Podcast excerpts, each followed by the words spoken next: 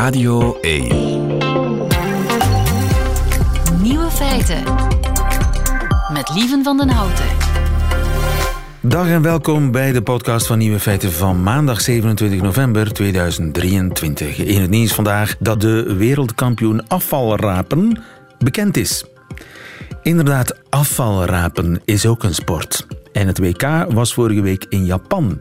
21 landen deden mee. Elk team kreeg een gebied om afval te rapen. Sigarettenpeuken bijvoorbeeld, lege blikjes, halfgegeten sushi. Aankloppen bij mensen om afval te vragen is tegen de regels verboden.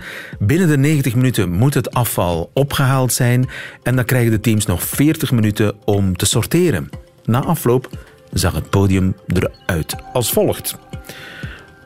Brons, Italië, 44 kilo. Zilver, Japan met 55,5 kilo. Maar de winnaar, de wereldkampioen afvalrapen 2023, is geworden Groot-Brittannië met maar liefst 83 kilo afval. 83 kilo, wauw. En de Belgen, die deden niet mee. Dat kan beter, jongens. De andere nieuwe feiten vandaag. De verkenner van Geert Wilders is al verkenner af, nog voor hij begonnen is. Koning Charles strijkt geld op van mensen zonder erfgenamen, met dank aan een feodale wet. Nog in Engeland is er veel kritiek op de nieuwe minister van Buitenlandse Zaken, David Cameron. En de journalist van de Nederlandse krant Trouw gaat liftend naar de klimaattop in Dubai. De nieuwe feiten van Nico Dijkshoorn die hoort u in zijn middagjournaal. Veel plezier. De teleurstelling is bijzonder groot bij de Nederlandse twitteraars, want de actie Wie houdt het langer vol? De verkenner of een krop sla, die actie is al afgelopen. Jeroen Rijgaard, goedemiddag. Goedemiddag, Ja, onze Nederland-watcher. Eh, de Kropsla versus eh, Liz Truss destijds was een, een iets langere actie in Engeland. Gom van Strien, de verkenner die nog maar pas was aangesteld, die vandaag zou beginnen verkennen, die stopt ermee. Wat is er gebeurd? Ja, wat er exact gebeurd is, dat weten we nog niet. Maar uh, dit weekend raakte Van Strien zowat een opspraak um, omdat hij fraude gepleegd zou hebben. Het zit namelijk zo, de man, het, het uh, Eerste Kamerlid, de senator zeg maar, van de partij van Geert Wilders, zat in, tot in 2009 in Utrecht Holdings, een soort bedrijf ja, boven de Universiteit Utrecht en boven het Universitair Ziekenhuis van Utrecht. En daar bleken wat financiële onregelmatigheden te zijn ontdekt, waarbij ja, eigenlijk aandelen van spin-offs van de universiteit doorgeschoven werden naar andere bedrijven. En nu komt het. In dat andere bedrijf waar die aandelen naartoe uh, gestuurd werden, ja, daar zat onder meer de vrouw van Gon van Strien samen met, uh, met twee andere uh, echtgenotes nog van twee andere bestuurders. Ja, en dat geld, die aandelen, die kwamen dus daar terecht. En op die manier, om een lang verhaal kort te maken, zou je toch wel een paar miljoen achterover geslagen hebben. Al dus een onderzoek in NRC. Maar Van Strien zegt, ja, uh, ik weet dat ik daarvan beschuldigd word, maar ik ben niet schuldig. Dat zei hij eigenlijk als enige officiële verklaring tot ja. vanmorgen. En dan vanmorgen kwam het uh, bericht van het officieel bureau van uh, de regeringsvorming, zoals dat uh, daar genoemd wordt, dat Van Strien toch zijn taken neerlegt omdat hij in een sfeer zou moeten werken die het ambt van verkenner niet waardig is. Lees, ja, ik voel mij opgejaagd wild ja. en ik kan niet doen wat ik moet doen. Wat raar is, want gisteravond waren die aantijgingen ook al bekend. En gisteravond was de boodschap nog niks aan de hand. iedereen is onschuldig tot het tegendeel bewezen is. Er is aangifte gedaan, er loopt een onderzoek. Maar van Strien was heel erg uh, vol zelfvertrouwen, van niks aan de hand, uh, dat komt allemaal goed. En, en vanmorgen dan plotseling de bocht. Mm -hmm. En in Nederland vraagt iedereen uh, zich af hoe die bocht er plots komt. Ja? ja wat een heel logische verklaring zou zijn, is dat de grote baas gebeld heeft. Hè. Geert Wilders zelf, die waarschijnlijk absoluut niet gelukkig was met de gang van zaken. Want Van Strien had ook al toegegeven dat Wilders helemaal niets wist van die beschuldigingen. Dus ja, je moet je voorstellen, eh, vrijdag doet Wilders een voorstel om iemand te nemen die een onbesproken blad is, die geen al te scherp politiek profiel heeft. En dan blijkt die man ja, verdacht te worden van fraude. Wilders was not amused, om het uh, ja, zacht uit te drukken. Dus waarschijnlijk bestaat de kans dat uh, Geert Wilders vanmorgen zelf ingegrepen heeft. Ja. En gezegd heeft, uh, meneer Van Strien, tot hier en niet verder. Maar dat ja. weten we dus niet, daar hebben we het raden naar. Dus hij had moment. vandaag allerlei afspraken, onder andere mm -hmm. met GroenLinks P van de A. En uh, met, met de PVV zelf, met, met mhm. Geert Wilders zelf, dat is allemaal geannuleerd.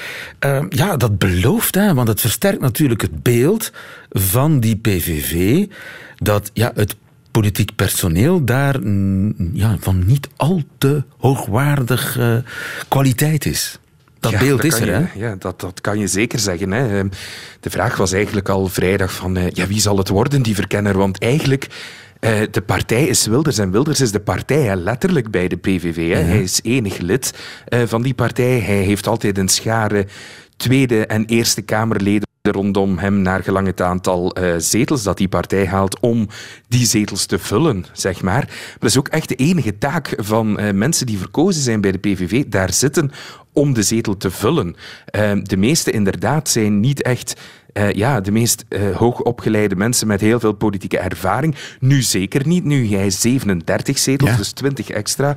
Je uh, vraagt je af waar die, waar die tien laatste zetels naartoe gaan. Wie gaat daarop ja, zitten? Voilà, ook, ook de nummer twee van de partij zei het al na, na, na de verkiezing. Van, ja, ik, ik, weet ook niet wie die mensen zijn. En ik denk bij de PVV dat ze dat ook zelf niet helemaal weten op dit moment. Dus ja, Van Strien was zo'n soort veilige optie. Hè, want iemand, ja. Wilders zei het zelf, die, die diploma's gehaald had, die goed gestudeerd had, die in, de, in een raad van de universiteit gezeten had. Dus het leek alsof het uh, ja, een, een van hun weinige toppers was. Ja, en die is al verbrand, die is al weg. Dus, dus nu moet hij met, met een nieuwe topper komen. En, er zal, en die zal onder uh, een vergrootglas worden gelegd, die topper. Sowieso. Uh, en, en het zal al moeilijk zijn natuurlijk om iemand te vinden bij de PVV, ja, die bijvoorbeeld ook nooit echt hele foute uitspraken uh, gedaan heeft. Ja, Wilders zelf stond ook ooit terecht voor zijn minder, minder Marokkanen uitspraak. Um, ja, wij kennen gewoon niemand in die partij. Zo simpel is het. Dus het wordt gewoon spannend welke naam uh, Wilders uit zijn hoed tovert. Het hoeft wel, lieven, en dat is wel belangrijk, niet per se iemand te zijn die in de Kamer zit uh, voor die partij, of die ja, aangesloten kan al niet, aangezien Wilders enig lid is. Maar die, het hoeft niet per se iemand te zijn die daar onmiddellijk heel nauw mee verbonden is.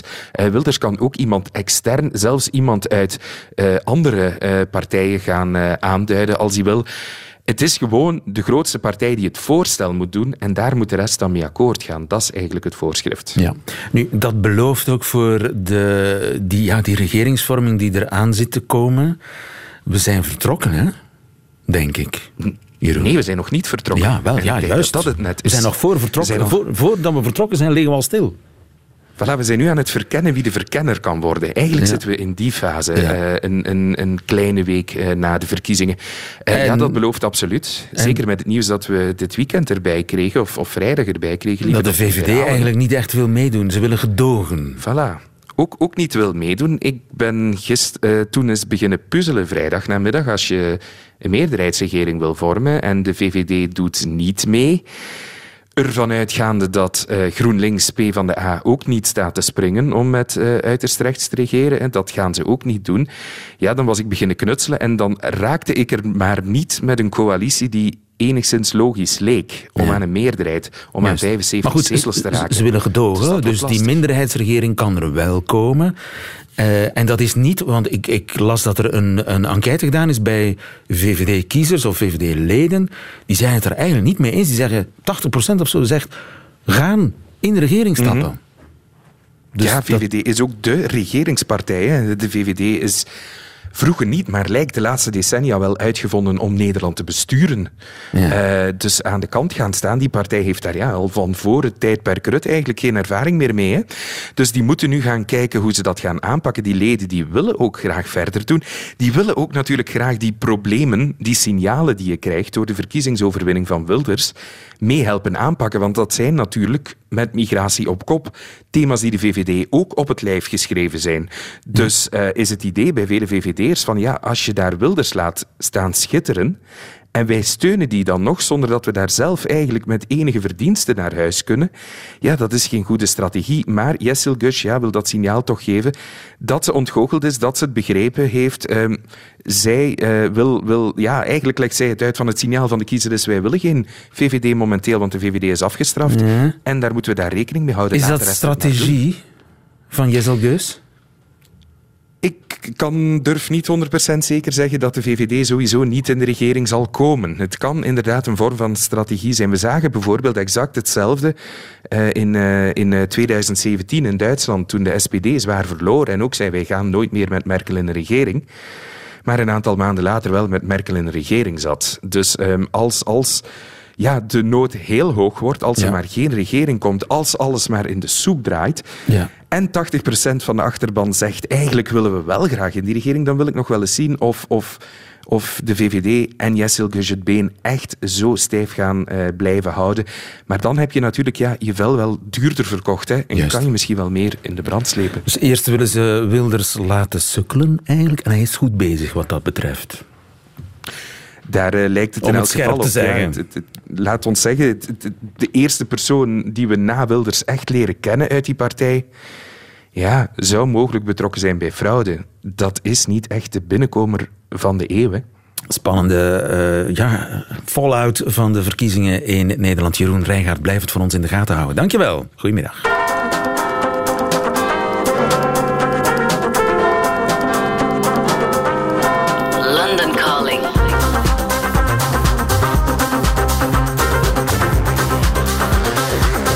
Lia van Beckhoven.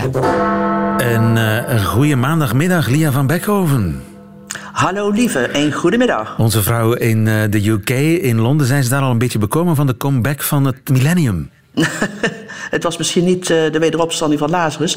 Maar voor de Britten was het wel even onverwacht inderdaad. Een terugkeer naar de Britse politiek van oud-premier David Cameron. Ja. Iedereen dacht dat die man voorgoed verdwenen was van het politieke toneel.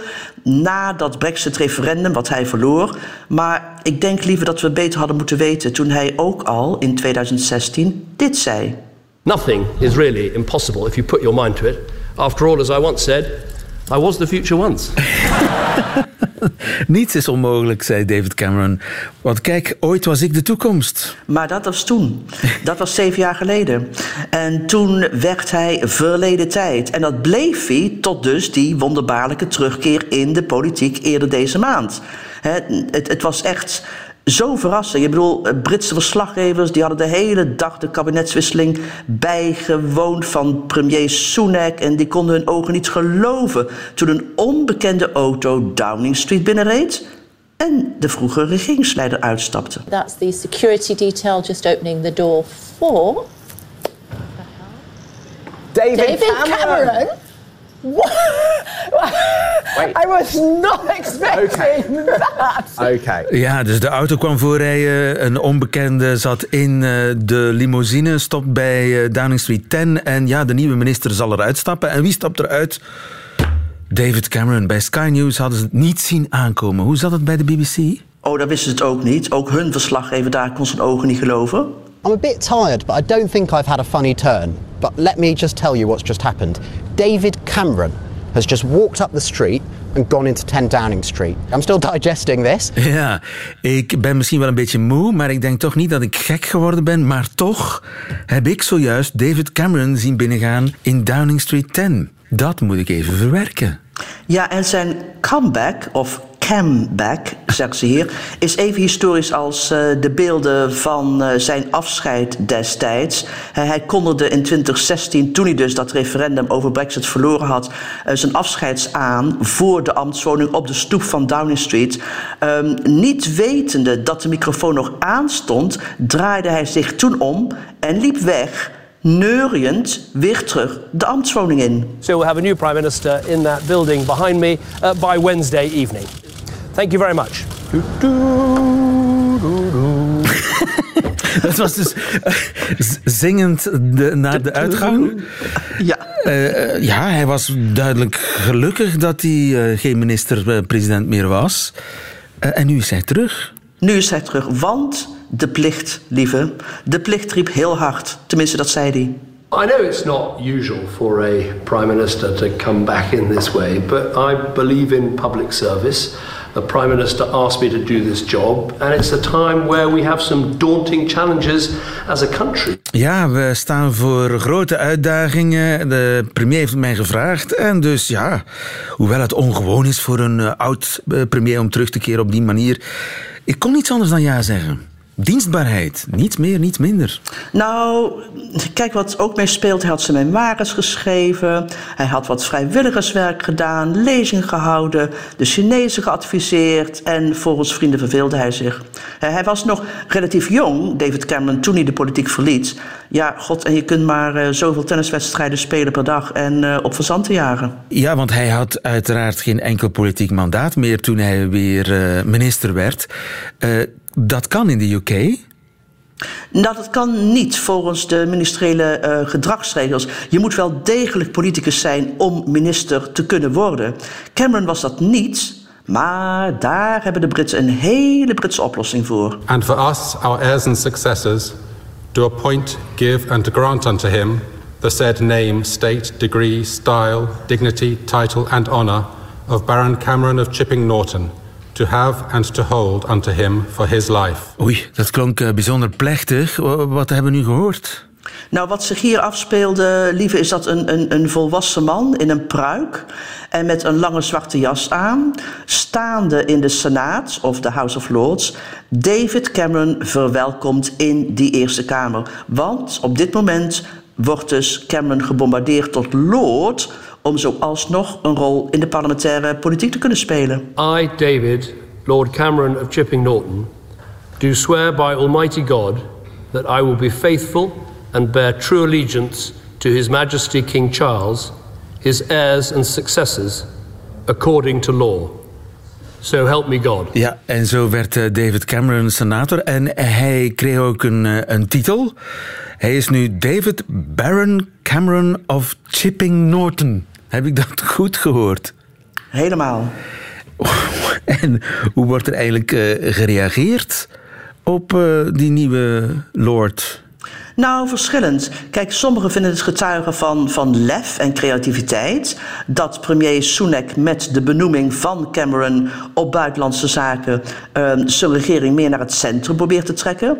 Maar anderen, zoals oppositieleider Keir Starmer, die zien het als een zwaktebod of zelfs een wanhoopsdaad. The prime minister obviously thinks so little of his own MPs that he's had to peel David Cameron away from his seven-year exile in a shepherd's hut yes. and make him foreign secretary.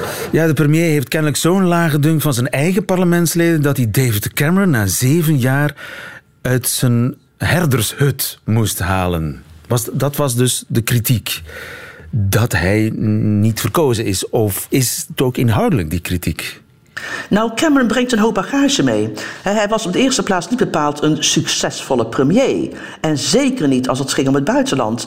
Ehm, als eerste minister, als Britse regeringsleider, was hij verantwoordelijk voor die rampzalige invasie van Libië. Um, hij ijverde ook voor een nieuw gouden tijdperk tussen het VK en China. Waarmee hij de banden met Peking uh, volgens critici veel te dicht aanhaalde. En The Economist schreef dat de man die er destijds als premier een zootje van maakte, nu benoemd is om die rotzooi op te ruimen. Maar ik denk wat het meest omstreden is, dat weet ik trouwens wel zeker, is de rol van David Cameron bij de Australische financiersbank Greensill. Cameron lobbyde de Britse regering de afgelopen paar jaar om miljoenen te lenen aan Greensill. En dat gebeurde tijdens corona. Uh, kort daarna ging Greensill failliet. En dat leidt nog steeds tot lopend crimineel onderzoek in Duitsland en Zwitserland. En natuurlijk wil Labour nu een onderzoek naar Camerons rol in dat schandaal. Maar goed, dat noemde hij natuurlijk niet in zijn maiden speech als lid van het Hoge Huis. And when I look at the ornate carved wooden panels that surround us and compare them to my now infamous shepherd's hut, I can tell you this is already a significant upgrade. Ja, hij, hij voelt het als een enorme vooruitgang, die uh, uh, houten lambrisering in vergelijking met zijn shepherd's hut. Maar wat is dat toch, die shepherd's hut? Nou, toen Cameron aftrad als premier, toen liet hij zich fotograferen voor een, eh, zo'n ja, een hippe huifkar eigenlijk. Uh, die had hij in zijn uh, tuin geparkeerd en daarin ging hij zijn memoires schrijven. Nou ja, en met die huifkar of Shepherd's Hut, uh, er is een ontzettend veel de spot mee gedreven. Vooral toen die memoires alsmaar niet afkwamen. Maar goed, hij is duidelijk heel blij om niet langer in die herdershut te hoeven zitten. Nee, precies. Um, en dat is ook het merkwaardige natuurlijk, dat hij nu tussen die prachtige lambriseringen en die oude rode leren bankjes zit in dat schitterende House of Lords. En daar kwam hij om, samenvattend, omdat een ongekozen regeringsleider, hè, Rishi Sunak is door zijn fractie gekozen, niet door de kiezers, een ongekozen staatshoofd, koning Charles, verzocht heeft om een ongekozen politicus, David Cameron, een plaatsje te geven in de ongekozen Eerste Kamer. Ja. Zo rolt de moeder der parlementaire democratieën. Zo zit dat inderdaad in uh, Londen. Dankjewel, Lia van Beckhoven, en tot de volgende. Graag gedaan. Nieuwe feiten. Ja, en de woorden van uh, Lia van Beckhoven die waren uh, nog niet koud. Of we kregen nog nieuws uit Engeland over King Charles. Jo de Poorter, goedemiddag. Goedemiddag. Charles, deskundige. Ik lees in de krant, in The Guardian, dat koning Charles een lijkenpikker is. Klopt dat? Ja, het, gaat, het is het verhaal. De, de, de Guardian heeft heel wat onderzoek gedaan. En wat, is het, wat zijn ze te weten gekomen? Is dat er bepaalde huisjes in het uh, Duchy of Lancaster. En dat is een estate waar Charles zijn geld uit haalt. Dat als mensen daar sterven en die hebben geen testament gemaakt, geen erfgenamen, dan gaat het, uh, hun bezit en hun huis over op de Duchy of Lancaster. En vroeger de Queen en nu Charles, die krijgen daar geld uit. En de belofte en de afspraak is altijd gemaakt dat het geld wat uit die erfenissen komt, dat dat gebruikt wordt om aan goede doelen te geven. En nu heeft um, The Guardian onderzocht, achterhaald, dat dat inderdaad gebeurt, maar dat dat, dat maar gebeurt met 15% van wat ze binnenkrijgen. En de afgelopen, jaren is, de afgelopen tien jaar is er 70 miljoen uh, euro binnengehaald. 70 miljoen euro? Ja, slechts, slechts 15 procent, 1,5, daarvan is eigenlijk naar goede doelen gegaan. En dan vraag je je af, waar is de rest dan naartoe gegaan? Ik wou net vragen, joh. Wel, kijk, zo ben je, zo ken ik je. Uh, naar um, ja, vastgoed. En dat, dat, uh, dat Dutchy bestaat uit landerijen en vastgoed. Maar niet alleen in die streek, namelijk rond Manchester en Liverpool. Maar ook bijvoorbeeld, daar zit een portefeuille in van uh, tien historische kastelen. Maar ook gewoon winkels in Londen. Dus een deel van dat geld is gegaan naar winkels in Londen die Charles indirect verhuurt en waar hij inkomsten uithaalt. En daar zijn de mensen van uh, The Guardian niet zo heel erg blij mee. Ja, maar dus dat, dat graafschap uh, Lancaster, dat is, is dat dan privé-eigendom van Charles? Of hoort dat bij de koning? Of, of hoe zit dat? Het is, het is het, de, de privé-inkomstenkas. En dat, daar, zit, uh, eigenlijk, daar zit vooral ook heel veel land in.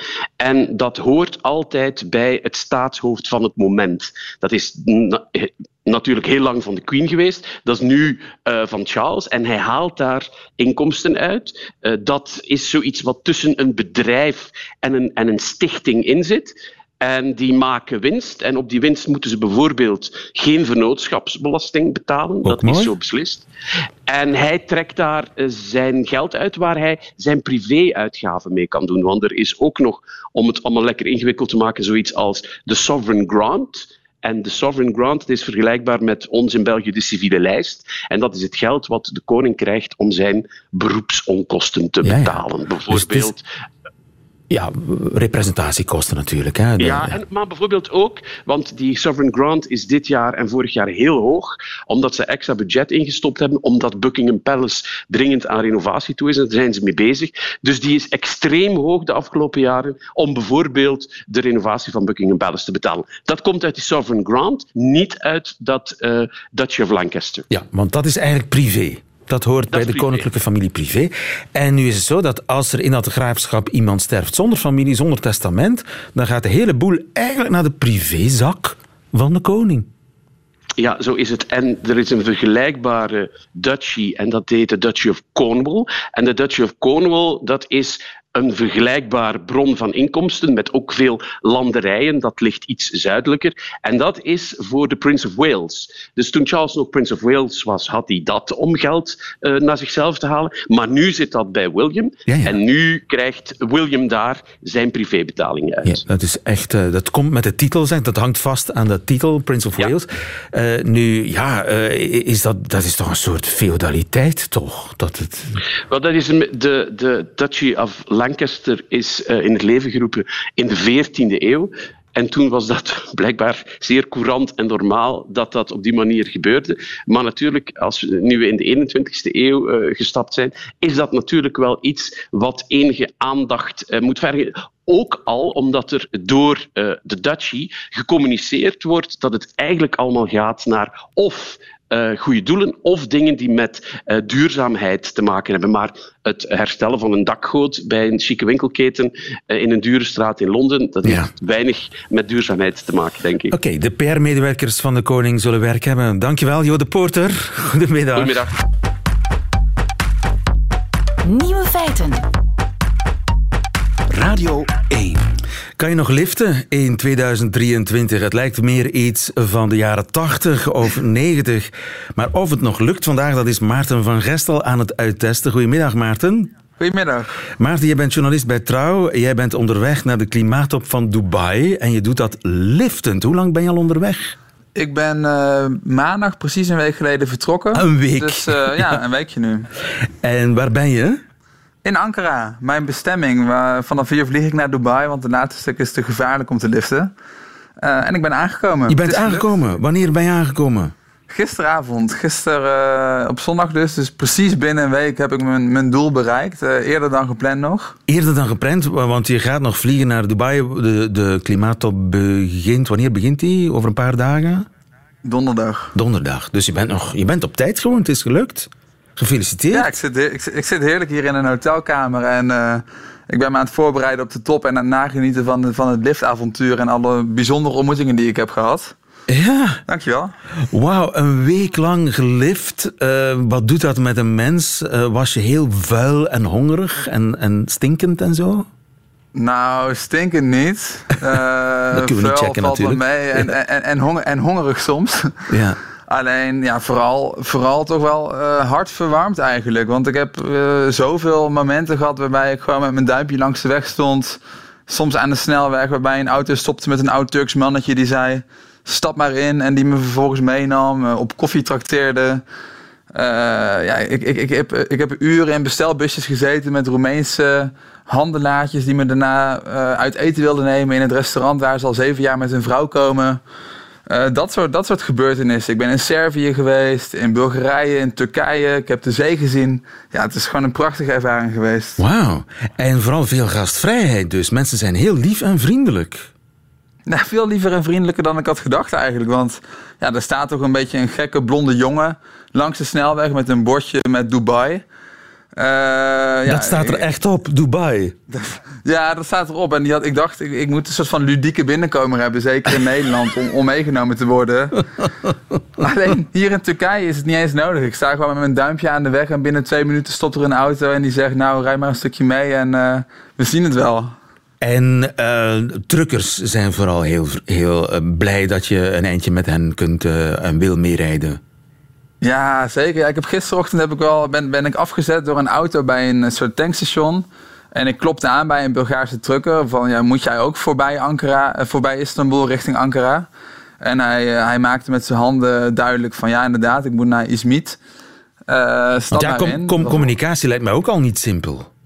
Nee, klopt. Dus ik heb soms echt hele gesprekken met iemand gehad, bijvoorbeeld bij een lunch. Allebei op onze telefoon, compleet via Google Translate.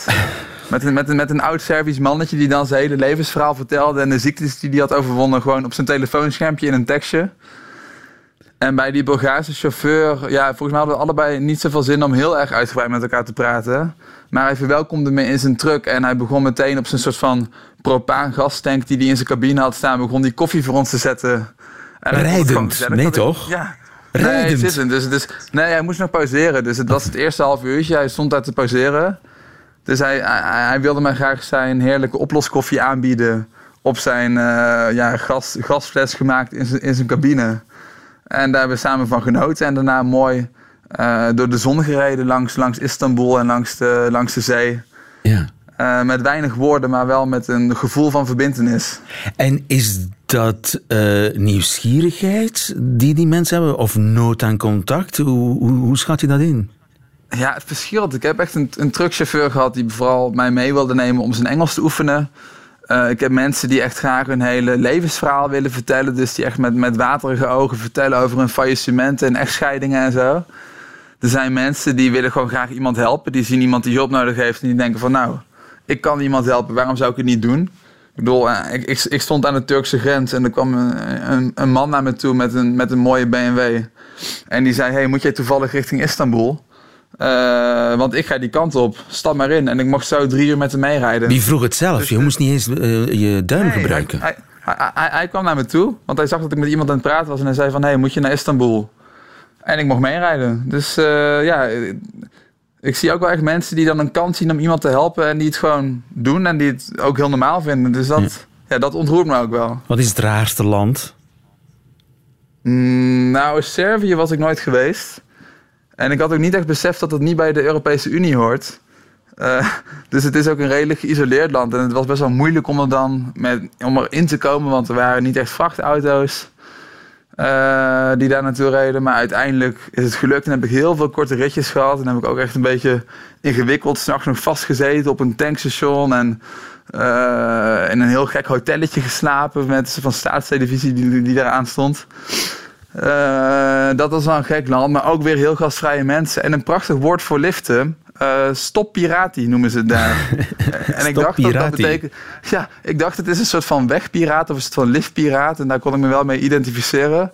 Maar schijnbaar betekent het stop irati. En dat is stop met werken. En je vraagt eigenlijk iemand: hey, stop even met werken, stop met wat je aan het doen bent en neem me even mee. Oké, dat is wel eh, inderdaad een prachtig woord. Waar heb je allemaal geslapen? In baanhotels? Ik heb geslapen op industrieterreinen. Ik heb geslapen Op ja, dus industrieterreinen? Ja, een soort van industriehotels waar je dan ook echt op het tv-scherm achter de receptie heel groot een mooie afbeelding zag van dat industrieterrein met de, met de energiecentrale en zo in plaats van van een pittoreske binnenstad. Ik heb geslapen in een soort van truck hostel in the middle of nowhere in, in, in Roemenië. Waar het eh, ontbijtbuffet nog gewoon hetzelfde was als het avondbuffet van de dag ervoor. Dus ja, afgekoelde kipkluiven en, en, en, en friet die er nog lag. En ik heb bijvoorbeeld in, bij Istanbul heb ik echt op een heel mooi hotel aan de kust geslapen, aan zee. En daar eh, ja, nog even de zee kunnen aanraken. Ja. Werd je ooit door vrouwen meegenomen? Heel weinig eigenlijk. Dat is een heel mannelijk onderontje, jouw Ja, eh, liftervaring. Ik, ben- ik, ik heb echt in een wereld van eh, industriehotels, truckrestaurants en, en, en snelwegen geleefd. En het, ja, het valt gewoon op dat toch wel de meeste lange afstandritten, zeker ten, ten oosten van Nederland en België, toch wel echt een mannenbolwerk is eigenlijk. Van truckchauffeurs, zakenmannen, eh, ja, toch wel dat soort dingen. En dat ik wel een paar keer door een vrouw ben meegenomen, bijvoorbeeld in, in Belgrado. Maar toch wel, toch wel echt een grote minderheid. Ja. Dus er is nog vertrouwen in de wereld. Mensen vertrouwen je nog en nemen je graag mee. Er is nog gastvrijheid in de wereld. Er is nog hulpvaardigheid in de wereld. Zou je liften aanraden? Zeker weten. Maar... Ook in België, ook in Nederland. En ook voor alle mogelijke verplaatsingen. Nou, ik denk als je er elke dag mee naar je werk, werk wil komen, dat het wel een hele vermoeiende exercitie wordt. Omdat het vooral lastig is om bijvoorbeeld eh, ja, echt eh, uit een stad weer te komen naar de snelweg. Of vanaf de snelweg naar een specifieke plek in de stad. Dus ja, voor, voor lange afstandsritten kan het top zijn als je weet waar je een beetje moet opstappen. En ook ja, als de trein een keer uitvalt en je weet niet eh, hoe je dan van A naar B komt in België bijvoorbeeld. Dan is lift ook zeker een leuk probeersel om eens gewoon aan mensen te vragen van... hé, hey, mag ik een stukje meerijden? Ja, we zijn vergeten dat dat kan. Ja, we zijn vergeten dat het kan. En ik denk nu, want ik moet dus vanaf hier... Ik, ik ben nu in een hotel aan de rand van Ankara. En ik moet nog ongeveer 40 minuten rijafstand liften naar een volgend hotel bij het vliegveld. En ik denk nu ook van ja, ik, eh, ik vraag gewoon een auto waar, waar iemand aan het instappen is van... hé, hey, mag ik een stukje meerijden? en geen probleem. Ik, ik, ik zie geen beren op de weg. Geen beren op de weg, dat is ehm, zowat de conclusie van Maarten van Gestel, die in een week tijd van Nederland naar eh, Ankara lifte. Gefeliciteerd nogmaals. En ja, ik hoop dat je een, een, een boeiend verblijf hebt op de klimaattop in Dubai. Dankjewel. Tot de volgende. Tot de volgende.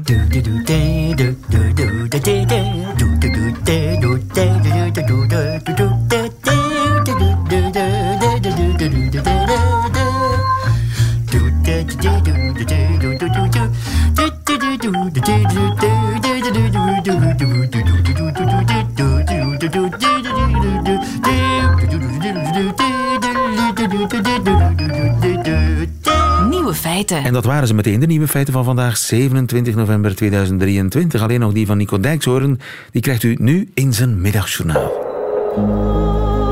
Nieuwe feiten. Middagjournaal.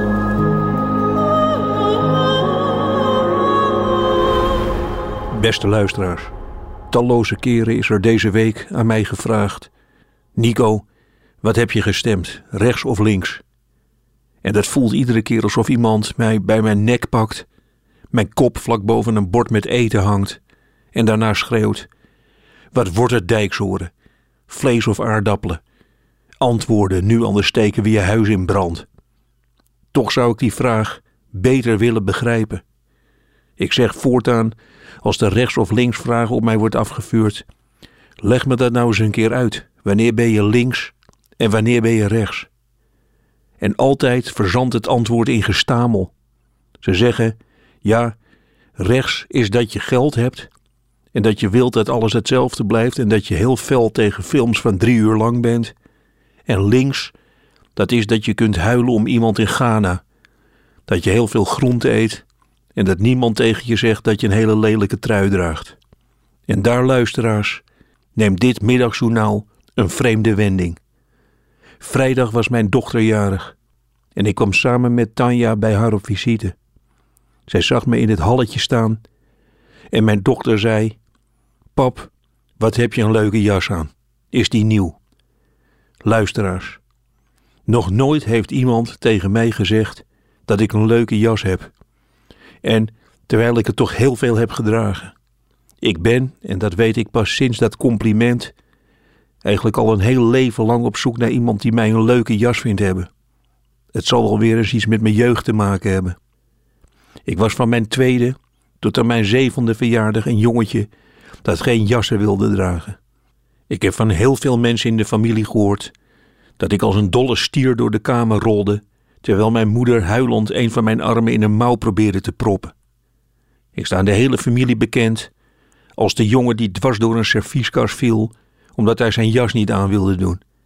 Ik schijn ooit, als zesjarige, met een vleesvork in mijn handen te hebben gestaan, klaar om het licht uit mijn moeders ogen te prikken wanneer ze mij een jas aan ging doen.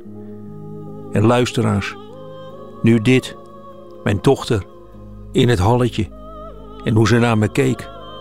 Ik wachtte tot ze nog iets zei, zoals: Hij staat heel goed bij je broek, maar die zin die kwam niet. Luisteraars, ik draag die jas nu terwijl ik dit inspreek. Zo jammer voor u dat dit radio is. Maar nu wilt u natuurlijk wel weten of een jas in huis dragen een linkse of een rechtse hobby is. En op mijn gevoel af zeg ik links, omdat het iets met warmte te maken heeft.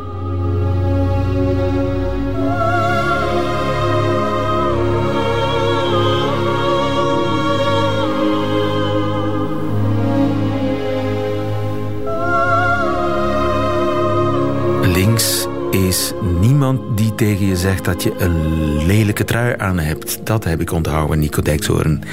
Einde van deze podcast. Hoort u liever de volledige nieuwe feiten met de muziek erbij? Dat kan natuurlijk live elke werkdag tussen 12 en 1 op Radio 1 of on demand via de app van VRT Max.